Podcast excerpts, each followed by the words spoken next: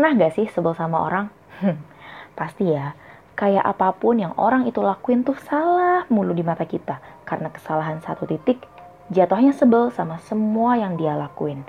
Semua kebaikannya tuh kayak ketutup gitu. Misal ada teman kita, ada public figure di luar sana yang kita judge ini orang bad person banget ya. Ngelakuin yang baik, respon kita, ih apaan sih ini orang. Ngelakuin yang jelek, respon kita, Tuh kan, dia tuh emang gitu orangnya. Bukankah kita itu harusnya membenci perilaku buruknya, bukan membenci orangnya? Namanya juga manusia, emang tempatnya salah. Diri kamu aja masih bisa salah. Eh, udah berani ngejudge baik buruknya orang. Yang bisa nilai baik buruknya manusia bukannya Allah.